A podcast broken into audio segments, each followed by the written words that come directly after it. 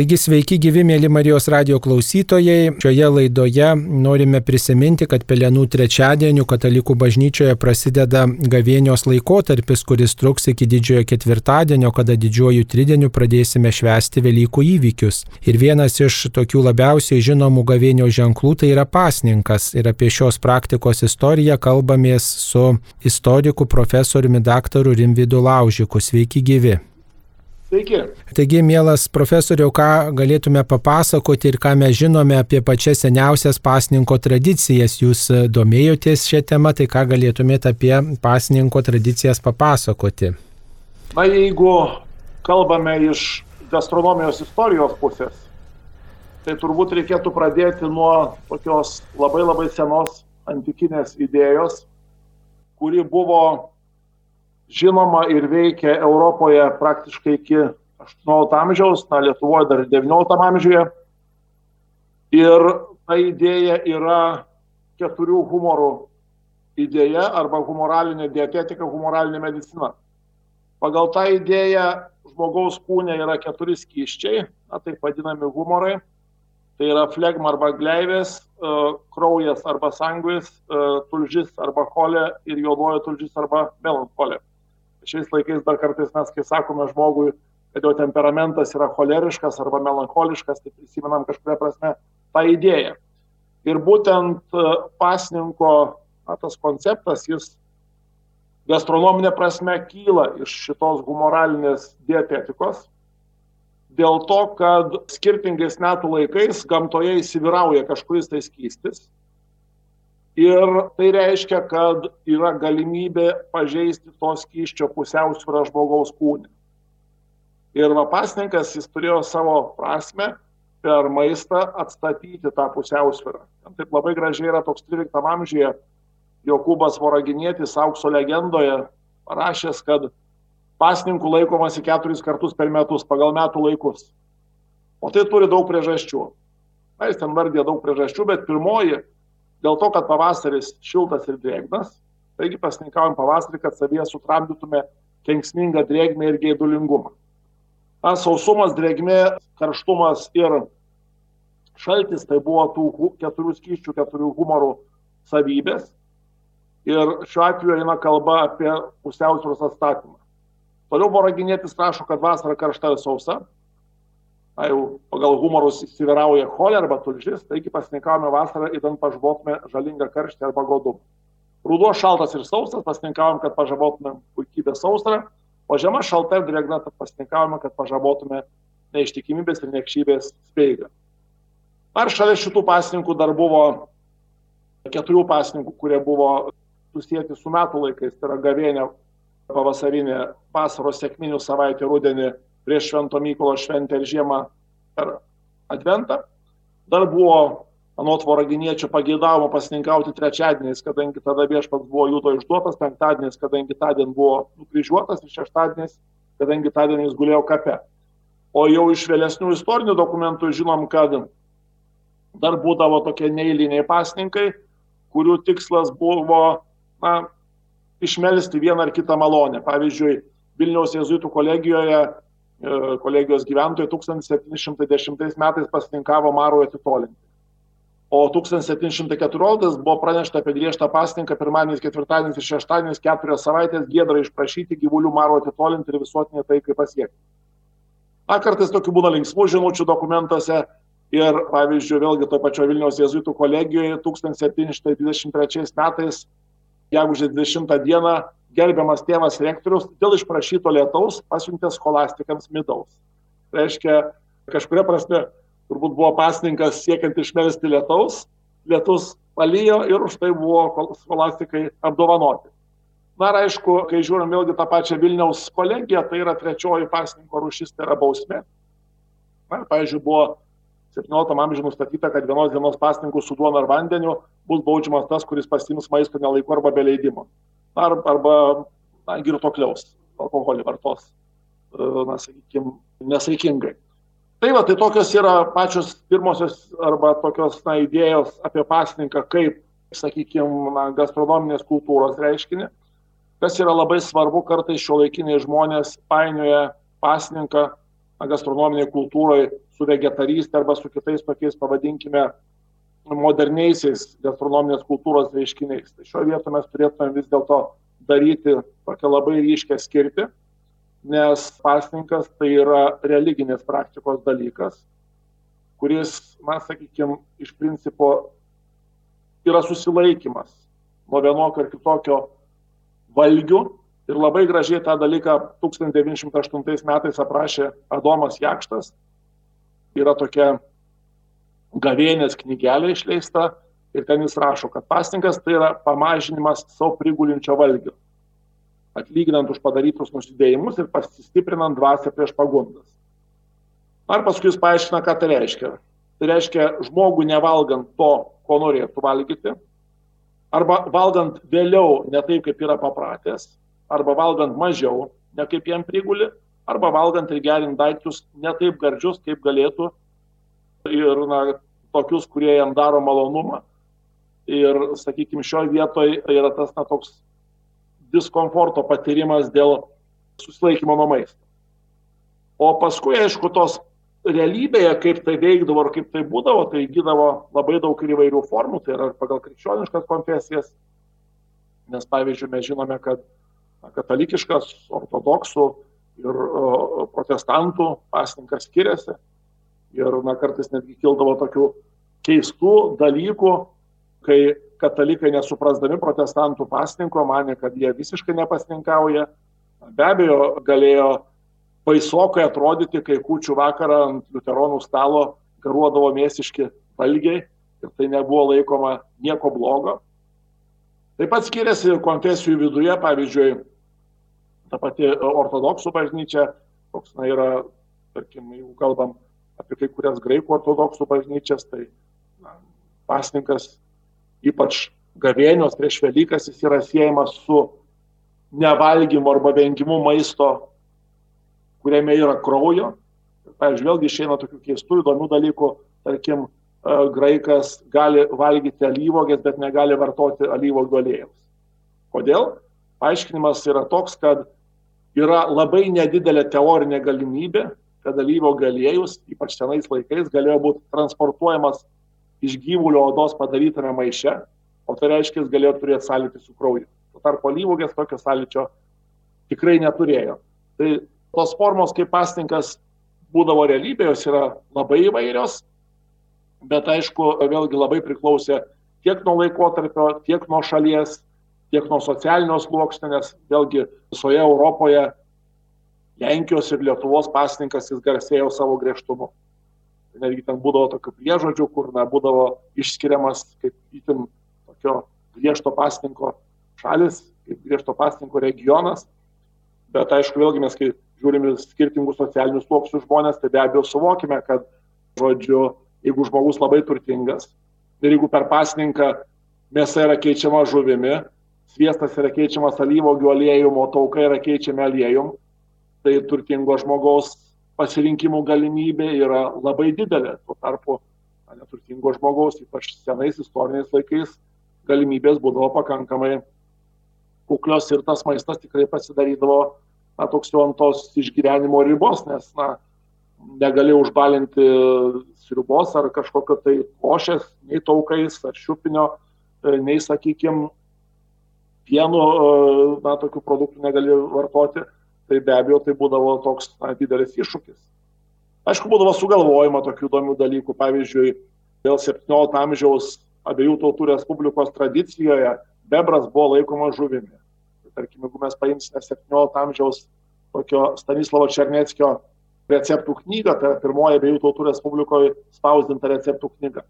To knygoje mes rasim, kad bebras yra aprašytas, na, patiekalas iš bebro, patiekalai iš bebro yra aprašyti žuvies patiekalų skyriui. Tai reiškia, tokių na, įvairiausių būdų jų vienai per kitaip egzistavo, skirtingais laikotarpiais, kaip to pasninko, na, mūsų žodžiais sakant, jau būtų išvengti. Na, kokie yra įdomiausi tokie atradimai pasninko srityje jums e, asmeniškai atrasti? Minėjot, kad apie bebrą štai tas e, sklando karta iš kartos, galbūt yra ir kokių kitų tokių įdomių dalykų, ką būdavo galima valgyti arba ką žmonės atrasdavo, kas nelaužo pasninko, o būtų maistingas ir skanus maistas. Žinoma, vėlgi šio vietoje, na, tie turbūt priklausė daugiausiai nuo to socialinio sluoksnio, kuriam žmogus priklauso. Nes jeigu mes kalbame apie pakankamai pasiturinčius žmonės, tuos, kurie galėjo leisti savo rinktis maistą, kurie galėjo valgyti tai, ką nori, tai be abejo jų pasninkas, na, toks buvo pakankamai prašmatnus. Pavyzdžiui, mes žinome tokį pasninko valgį, vėlgi toje pačioje Vilniaus jėzuitų kolegijoje buvo valgoma per netgi kučių dieną, kalėdų išvakarėse ir paskui jau 18-19 amžiaus literatūroje tai yra vadinama tokia lydeka paruošta lietuviškų būdu, tai buvo lydeka šafrano padažė, geltonam padažė. Suvokiam, kad tai yra labai prabangus valgys, bet jis tuo metu buvo pozicionuojamas kaip pasninko valgys. Aišku, jeigu mes keliaujame į tokių mažiau pasiturinčių žmonių virtuvę, tai tie valgiai galėjo būti tokie labai jau, labai jau, sakykime, kuklus, nes pavyzdžiui, XIX amžiuje Mikalojus Katkus Kedainio apylinkėse minė valgius, kurie buvo valgyti per gavėnę.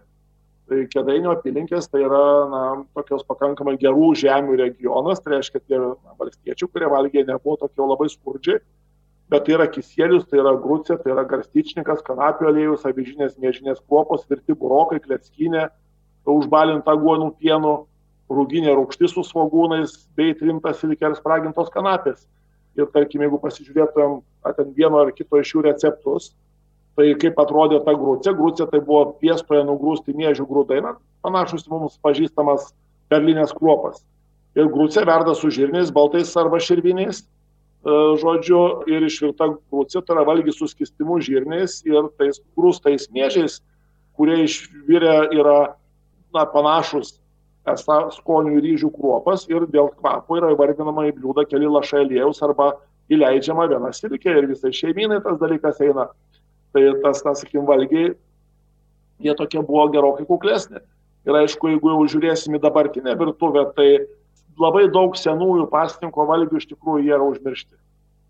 Nes, na, vėlgi, gyvenimo lygių augant, gyvenimo lygių gerėjant tarpukario Lietuvos metais, jau dauguma žmonių galėjo įsigyti pakankamai silkės. Ir tarkim, jeigu mes jau žiūrėtumėm pasninką, pavyzdžiui, kad to paties XIX amžiaus pabaigoje ir tarpukariu, tai tarpukariu visiškai įsigali silkė. Įsivaizduokite, pavyzdžiui, tas pats kučių stalas, jeigu mes persikeliame į XIX amžiaus pabaigą, XIX amžiaus vidurių, tai ant kučių stalo, ko gero, nerasim silkės nei valstiečio namuose, nei dvare. Na, galbūt valstiečio namuose į kokius barščius, kadangi barščiai buvo irgi toks na, tipinis kučių vakaro valgys, tai barščius jų užbalinimų užkului bus įmestas silkės gabaliukų. Viskas. O tarpu kariu silkė užvaldo kučių stalą ir iki šių dienų ant to stalo karaliauja. Tai be abejo tie dalykai skiriasi, keitėsi. Kitas dalykas, kuris keitėsi, tai keitėsi, aišku, ir pats pasninko suvokimas. Nes na, suprantame visi, kad dabar šiuo metu yra pasninkaujama kitaip negu buvo anksčiau. Bet vėlgi tas pokytis jis vyko ir tebe vyksta viena vertus dėl na, to, tokio religijos reikšmės daugelio žmonių gyvenime mažėjimo, nes na, mes kalbam apie pasninką kaip apie religinę praktiką. Tai nėra vegetarizmas ar kažkokia tai kitokia praktika, bet kita vertus ir pačios religinės bendruomenės sprendimais būdavo arba na, hierarchų sprendimais buvo tas pasninkas lengvinamas ir pavyzdžiui, toks yra labai vėlgi įdomus dalykas, tai pačio Adomo Jakšto 1908 metų gavienės knygelėje yra parašyta, kad, žodžiu, žemaičių vyskupui Paliulioniui na, pavyko iš šventojo tėvo išsiprašyti žemaičių viskupijai pasninko palengvinimų, kurie įsigalioja nuo 1908 metų. Ar paskui yra parašyta, kokie tie yra palengvinimai, kad žemaičių viskupystėje žodžiu, paprastomis pietničiomis, tai yra penktadienis, galima valgyti su pienu.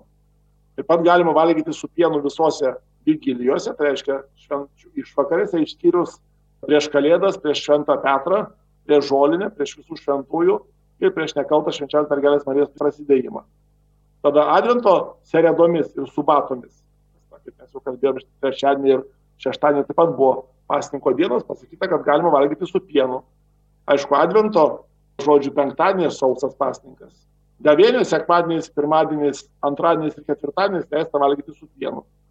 O gavėnių sausai pasninkauti reikia tik tai pelenų dieną ir tris sekančias dienas po jos lyg pirmo gavėnio sekmadienio, tada tris paskutinės didžiosios savaitės arba nedėlios dienas ir visos gavėnios seriados pietinčios ir subatos, tai reiškia trečiadienį, penktadienį ir šeštadienį. Ir paskui taip yra labai įdomiai parašyta, kad pabaigoje visus šitos palengvinimus šventas tėvas suteikė meldžiant žemaičių vyskupui. Todėl jais naudotis negali vien tik žemaičių viskupijos katalikai. Kitų viskupijų katalikai pasninko dalykuose privalo užlaikyti parėdimus savos dvasiškos vyresnybės. Tai reiškia, taip įsivaizduokite, gyvenate kur nors pareibėje tarp žemaičių viskupijos ir Vilnius viskupijos, na, tuo laikotarpiu ir jūsų kaimynas gretimam kaime jau, žodžiu, ten e, penktadienis, pavyzdžiui, valgo su pienu, o jūsų viskupijoje dar yra valgoma, na, sakykime, pavyzdžiui, laikomasi pasninko be pieno. Ir to, tokių dalykų įdomių nutikdavo ir jie dėliodavosi. Tai tarsi, kad tas pasninkas jis toks buvo reiškinys, galbūt primenantis tokią daugiau dėlionę, kuri keitėsi laikė skirtingose regionuose skirtingai, bet, na, tokia buvo pakankamai įdomi. Bet turbūt lygi šių dienų išlikęs tas paprotys, kad gavėnios meto pasninkai, ypač penktadieniais, yra tokie daug griežtesni negu kad, pavyzdžiui, per adventą tie pasninkai. Ir paprastai žinomi tie jau advento ir gavėnios tie didieji pasninkai, kada žmonės labiau apie tai susimastydavo. Ar tiesiog matosi istorijoje tas griežtumas, gavėnios pasninkų griežtumas? Na be abejo, apskritai jau iš ankstyvaisiais laikais, jeigu žiūrėtume ar 16, 17, 18 amžių, mes pamatysime, kad na, iš tų trijų savaitės dienų, kur na, reikėdavo pasninkauti trečiadieniais, penktadieniais ir šeštadieniais, tai be abejo penktadienio pasninkas apskritai buvo griežčiausias iš tų trijų dienų. Tai reiškia, jeigu ten trečiadieniais ar ketvirtadieniais ar šeštadieniais dar buvo galima su pienu, tai jau penktadienis tikrai buvo toks. Ir žinoma, tas persikėlė į gavėnios ar advento pasninkus. Vėlgi, jeigu žiūrėsime į mūsų laikus arba artėsime į mūsų laikų, tai mes jau šiais laikais nebepasninkaujam prieš Švento Mykolo šventę ir per sėkminių savaitę, tai yra tie pasninkai praktiškai išnykę, bet uh, jau gavėnios ir advento penktadieniai jie tokie yra laikomi pakankamai griežti. Dabar kiek tai tebe veikia dabartiniai kultūrai, aišku, reikėtų jau tokio atskiro turbūt tyrimo teirauti žmonių, ar jie tikrai pozicionuoja, kad gavėnios penktadienis yra griežčiau penktadienio reikia laikytis pasninkų negu advento penktadieniais, bet aišku, gavėnio vėlgi yra didžioji savaitė. Ir tas turbūt taip pat šiek tiek savo įtakos turi, ko, ko mes neturim, to nėra to advento pasninkas. Jie skiriasi.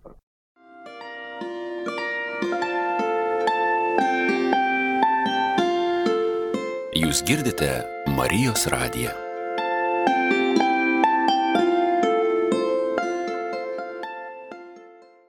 Dar vienas toks pasninkas, kuris e, jau įgavęs tam tikras tokias rafinuotas formas Lietuvoje, tai yra kučių vakaro, kučių dienos pasninkas, ypač kučių vakaras, pilnas tokiais pasnikiškais valgiais ir paprastai tie stalai būna nukrauti jau per kelias kartas Lietuvoje ir visada tas e, kučių vakaras, e, nors ir pasnikiški valgiai, grėsia tokiu persivalgymu. Turbūt nebuvo taip visada ir turbūt tai jau tos persivalgymas toksai, na, pasninko dieną kad ir pasninkiškais valgiais turbūt neišlaiko tos pasninko prasmės. Na vėl, e, aišku, reikia suprasti, kad šiais laikais mes gyvenam taip gerai, kaip niekada istorijoje Lietuvoje žmonės negyveno. Nes jeigu kalbėsime apie maistą, tai dabartinėje visuomenėje absoliučiai didžioji dauguma žmonių gali sauliaisti valgyti tai, ką, na, tegul prieš 150 ar 200 metų galėjo leisti tik tai nu, keli iki 10 procentų visuomenės. Nes, pavyzdžiui, mes kartais net nepagalvojam, kad netaip seniai toks dalykas kaip valgyti sviesto tada, kada nori, tai buvo aukšto socialinio statuso ženklas. Arba valgyti sūrio tada, kada nori. Arba valgyti blynus iškeptus iš pikliuotų, tai ką mes sakom šiais laikais aukščiausios rūšės miltų. Jau šiais laikais netgi atvirkščiai tie razavi, pilno grūdo miltai yra laikomi kažkuo tokie sveikesni, geresni. Tai iš tiesų mes visi gyvenam labai gerai ir tai atsispindi šventėse. Tai kaip jau e, minėjau šiek tiek, tai tas lūžis realiai įvyko tarpukariu. Iš tiesų tarpukario laikotarpiu žmonių pragyvenimo lygis labai stipriai pakilo. Aišku, po to buvo sovietmetis, kuris, na, taip, mes krytome žemyn ir daug dalykų buvo sustabdyta, sunaikinta, prarasta ir šiais laikais mes vėl esam tai atgavę. Tai be abejo, kučių vakarienė, jie yra, sakykime, virtusi tokiu, na, pakankamai didelio maisto kiekio atsiradimo ant stalo. Ir ta idėja apie 12 patiekalų, tai vėlgi jeigu mes tik tai persikeliame į gastronomijos istoriją, tai niekada ir niekur tas 12 patiekalų nebuvo akcentuojama ir apie juos nebuvo galvojama. Netgi dvaro kučių vakarienės aprašymuose nėra jokios užuominos apie 12 patiekalų dar XIX amžiaus pabaigoje. Gali būti ir nu, taip, pakankamai tikėtina, kad tie 12 patiekalų yra gana naujai išgalvotas dalykas, be neseniausią šaltinį, kuriame minima 12 patekalų esu radęs iš 1904 metų, tai yra 20 amžiaus pati pradžia, bet ten tai paprašyta tokio keistam kontekste, ten vienas žmogus rašydamas apie lietuviškas tradicijas, jis lygina su Indijos arijų tradicijom ir su hinduizmu, ir ten jis atranda daug tokių panašumų ir keistų dalykų, tai kažkur na, tos idėjos, ko gero, nėra taip jau pagristos tą tikrąją mūsų istoriją ir etnografiją, juolab, kad valstietiškoje virtuvėje pasidėti per kučias ant stalo 12 patiekalų, tai na, absoliučiai daugumai šeimų tai būtų buvęs milžiniškas iššūkis. Na vėlgi, jeigu keliaujame į tas valstietiškas kučias kėdainio apylinkėse, tai Mikalojus Katkus rašo taip, kad kučių stalas. Barščiai su grybais, barščiuose išmirkęs silkės, rauginti burokų grėžinėliai, grybai, aguonų pienas, kučiukai, kisėlius, obolių gira. Viskas. Tarasi, kad e, tokie yra pakankamai kuklus ir, ir pateklai ir jų nėra daug. Tai dabar be abejo taip yra, bet galbūt tada iš tiesų ta pasninko idėja, apie kurią aš perskaičiau iš Adomo Jakšto knygelės, kad tai yra toks nedidelio diskomforto savo sudarimas, jį galėtų būti aktuali, kalbant apie dabartinės pučias, ypač tuose namuose žmonių, kurie yra tikintis ir kurie to pasninko norėtų laikytis. Nebūtina tų 12 patiekalų daryti. Na, o ką galėtumėt pasakyti apie pelenų dienos pasninką istorijoje? Ar jis būdavo tik tai toks iš tiesų nieko nevalgyti, duona ir vanduo, ar dar kažkas daugiau pelenų dienos pasninkas? Jis būdavo sausas pasninkas.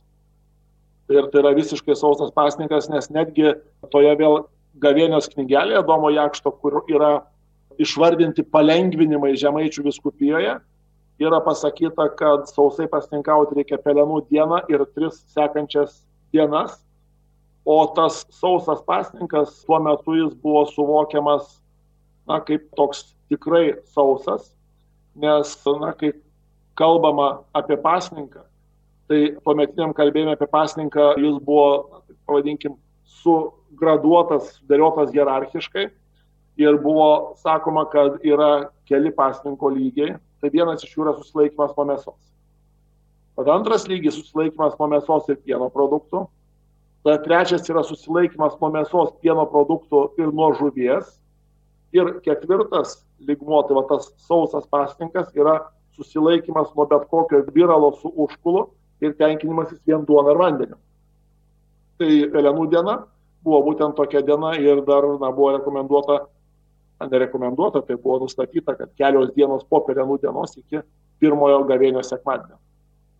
Na, dar vienas dalykas, kuris ypač akcentuojama šiais laikais, tai yra dalintis to, ko nesuvalgiau, tą, ką sutaupiau, kad valgiau kukliau, savo kūną marinau, bet taip pat kažką sutaupiau ir tada tai sutaupytais ištekliais galiu pasidalinti su tais, kurie iš tiesų stokoja. Ar senesniais laikais tokia tradicija buvo žinoma, ar tavo būdavo laikomasi?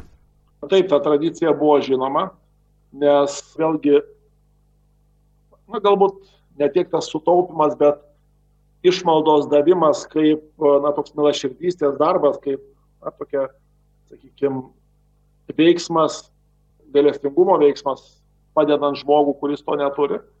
Tai tas dalykas jis buvo žinomas ir, na, taip, kalbant apie pasninko veikimą kultūroje, tai susilaikimas nuo maisto buvo tik tai pasninko dalis. Iš principo pasninkas buvo suvokiamas dar 20 amžiaus pradžioje kaip tokių trijų veiksmų derinys, tai reiškia susilaikimas nuo maisto, tada malda ir e, išmaldos davimas, aukojimas tiems, kuriems neturi.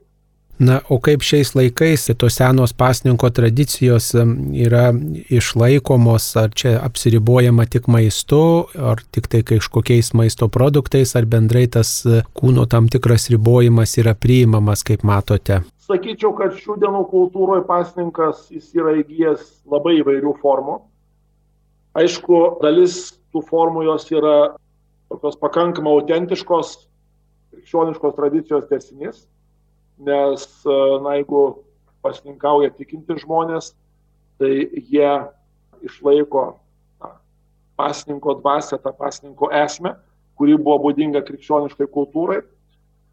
Bet kita tokia dalis, jie, na, kaip ir pradžioje sakiau, kad, na, sakykime, turime nebainioti pasninko su vegetarystė arba su kažkokiais tai kitais dalykais, nes e, kitas požiūris jis iš tiesų labai stipriai na, kaip čia sakykime, perkelia pasninką į pasaulietinių žmonių gyvenimą, atsieja pasninką nuo jo religinės prasmės, esmės ir paverčia, na, tarkim, savotiškų sveikos gyvensinos įrankių, kas beje gal irgi nėra blogai, bet, na, tada jau, ko gero, mes galim kalbėti tik tai apie dar vieną dietą, bet nekalbėti apie pasninką, kaip, sakykime, tokį kultūrinį reiškinį, bet tas dalykas egzistuoja. Aišku, yra daugybė žmonių, kurie nesilaiko visiškai pasninko. Turbūt turim nemažai žmonių, kurie pasninko laikosi formaliai, nes na, mes suvokiam, kad dabartinėje jūros gerybių ir žuvies pasirinkimo galimybių laukia, tai pasakyti, kad valgydama žuvę aš pasninkauju, tai na, kai kurios žuvis yra gerokai prabangesnės, brangesnės ir, žodžiu, kažkokios tai išskirtinesnės negu, na nežinau, valgymas kokio nors virto kiaušinio su duona, kas yra visiškai pigus ir kuklus maistas jau pasidarė šiais laikais. Reiškia, tokių tų galimybių ir įvairių variantų egzistuoja dabartinė kultūra daug, bet tiesiog gastronomijos istorijos požiūriu, manau, kad yra svarbu vadinti daiktus savais vardais. Tai reiškia, kad jeigu mes e, laikomės arba nevalgome mėsos, vegetariškus dalykus darom dėl dietos sumetimų, tai vadinkim tai dietą. Jeigu mes esame tikinti žmonės ir pasninkavom, melžiamės, aukojam tuo metu, iš tikrųjų ruošiamės Kristaus prisikelimui, tai laikykim tai vadinkim pasninku. Jeigu na, kažką darom formaliai, tai pabandykime išvelgti, suvokti, kad tai yra pakankamai formalus dalykas. Nes čia vėlgi grįžtant prie to, na, kas man patiko Adomo Jakšto gavėnios knygelėje, kur buvo pasakyta, kad na, jeigu kalbam apie pasninką kaip apie maistą, mes kalbam apie vienokį ir kitokį diskomfortą. Reiškia, sakykime, aš turiu pagalvoti, jeigu jau sugalvoju ir einu šito keliu, turiu galvoti, kad tas valgymas ar nevalgymas kažko jis nebūtų formalus mėsos atsisakymas, bet kad būtų toks vienoks ar kitoks diskomfortas, kažkokios taisyklės laikymasis, kuris verčia na, mąstyti, galvoti apie tai, kad iš tiesų yra pasninkaujama tą laiką iki Velykų. Turbūt e, ta žinia svarbi ir tiems žmonėms, kurie štai mažai mėgsta valgyti, įpratę kukliai valgyti dėl įvairių priežasčių ir tiems, kurie vat, nusistatę nevalgyti mėsos, jie taip pat gali pasninkauti, pasirinkdami labai kuklų maistą ir turbūt e, įvesdami tą kitą motyvą į savo tą pasirinkimą. Tai yra, kodėl aš pasninkoju, kodėl aš save apriboju. Galų gale turbūt žinomos ir kitos pasninko formos, ypač šiais laikais, kai daug yra tų komunikacijų, tiesiog truputį truputį gal pakrypstant iš tos gastronominės ryties, kaip pavyzdžiui atsisakyti televizoriaus žiūrėjimo, naudojimosi kompiuteriu, socialiniais tinklais ar klausymosi muzikos ar dar kažkokių kitų man tokių mielų, svarbių, įdomių dalykų, ar ne taip? Na, turbūt e, tas klausimas, kurį jūs pasakėte, tai yra užduoti ir paklausti, kodėl aš tai darau, turbūt yra esminis. O paskui tada atsakius į tą klausimą, ten turbūt atsiras ir kiti reiškiniai, kiti dalykai, apie kuriuos jūs minėjot, nes, na, vėlgi, jeigu žmogus sako, kad uh, aš laikausi pasninko vien dėl na, fizinės sveikatos, tai kaip savotiškos dietos, nu, tai turbūt uh, televizoriaus nežiūrėjimas ir kiti dalykai, jie bus mažiau reikšmingi. Jeigu žmogus sako, kad na, tiesiog aš laikausi pasninko, norėdamas skirti daugiau laiko, pavyzdžiui, maldai, na, tuo laikotarpiu, tai atsisakymas vienokio ar kitokių veiklų, kurios yra turienčios laiką, sunaudojančios laiką ir to laiko panaudojimas maldai, jis bus prasmingas tam žmogui. Tai šioje vietoje turbūt e, įvairovė arba galimybės yra labai didelės, nes vėlgi mes turime suprasti, kad ir istoriškai kalbant apie gavėnę, apie advento laiką, tai susilaikimas nuo linksmybių, susilaikimas nuo na, kažkokios tai dainavimo, šokių ar panašių dalykų jis egzistavo ir, ir istoriniai kultūrai, ta prasme, kad jeigu mes žiūrėsim ten ar 19 amžiaus ar 20 amžiaus pirmą pusę, tą patį tarpukarį, tai tie dalykai jie buvo ryškus, ta prasme, kad šioje vietoje tai nėra, nebus mūsų išradimas, nes savotiškas tas toks diskomfortas arba išėjimas iš zonos, kurioje yra patogu ir smagu, tai taip pat turėjo, buvo dalis ir tų laikų pasninko. Galbūt ne pasninko tų laikų gavėnios Taip, taigi apibendrindami mūsų laidą, į ką galėtume atkreipti dėmesį iš to viso istorinio paveldo, ką mums reikėtų vis dėlto išlaikyti, iš to viso istorinio kraičio, kuris pasiekė mus galų galiai ir iš tų gastronominių visų tradicijų, o šiaip turint ir praplečiant tuos pasninko ir motyvus ir galimybės, į ką mes turėtume atkreipti dėmesį šiais laikais. Na, gastronominė kultūra tai yra tokia gyva kultūra, kuri nuolat kinta, nuolat prisitaiko ir mes, kaip ir kiekviena karta buvusi iki mūsų ir ta, kuri bus po mūsų, jie vienaip ar kitaip tęsia tą tradiciją.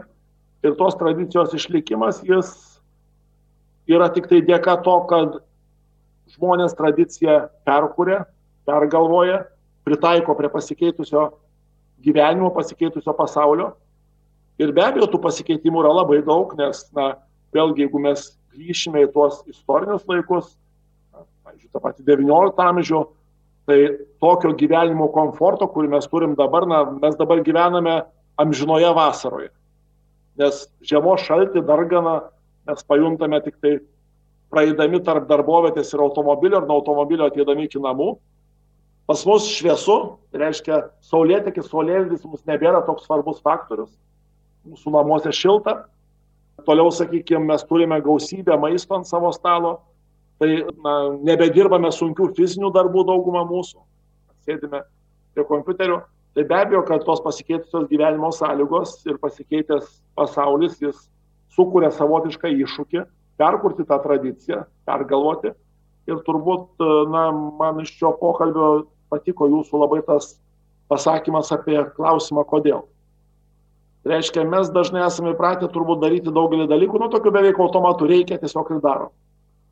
Bet uždavimas savo to klausimo, kodėl ir apmąstymas vieno ar kito veiksmo, apmąstymas vienos ar kitos tokios elgsenos, jis veda prie supratimo, kaip tai veikia dabarties visuomenė ir veda prie tos tradicijos perkonstravimo ir, na, sakykime, jos tolesnio gyvavimo kultūroje nes e, tik tai perkonstruota tradicija, tik pritaikyta prie mūsų laikų, ji gali egzistuoti toliau.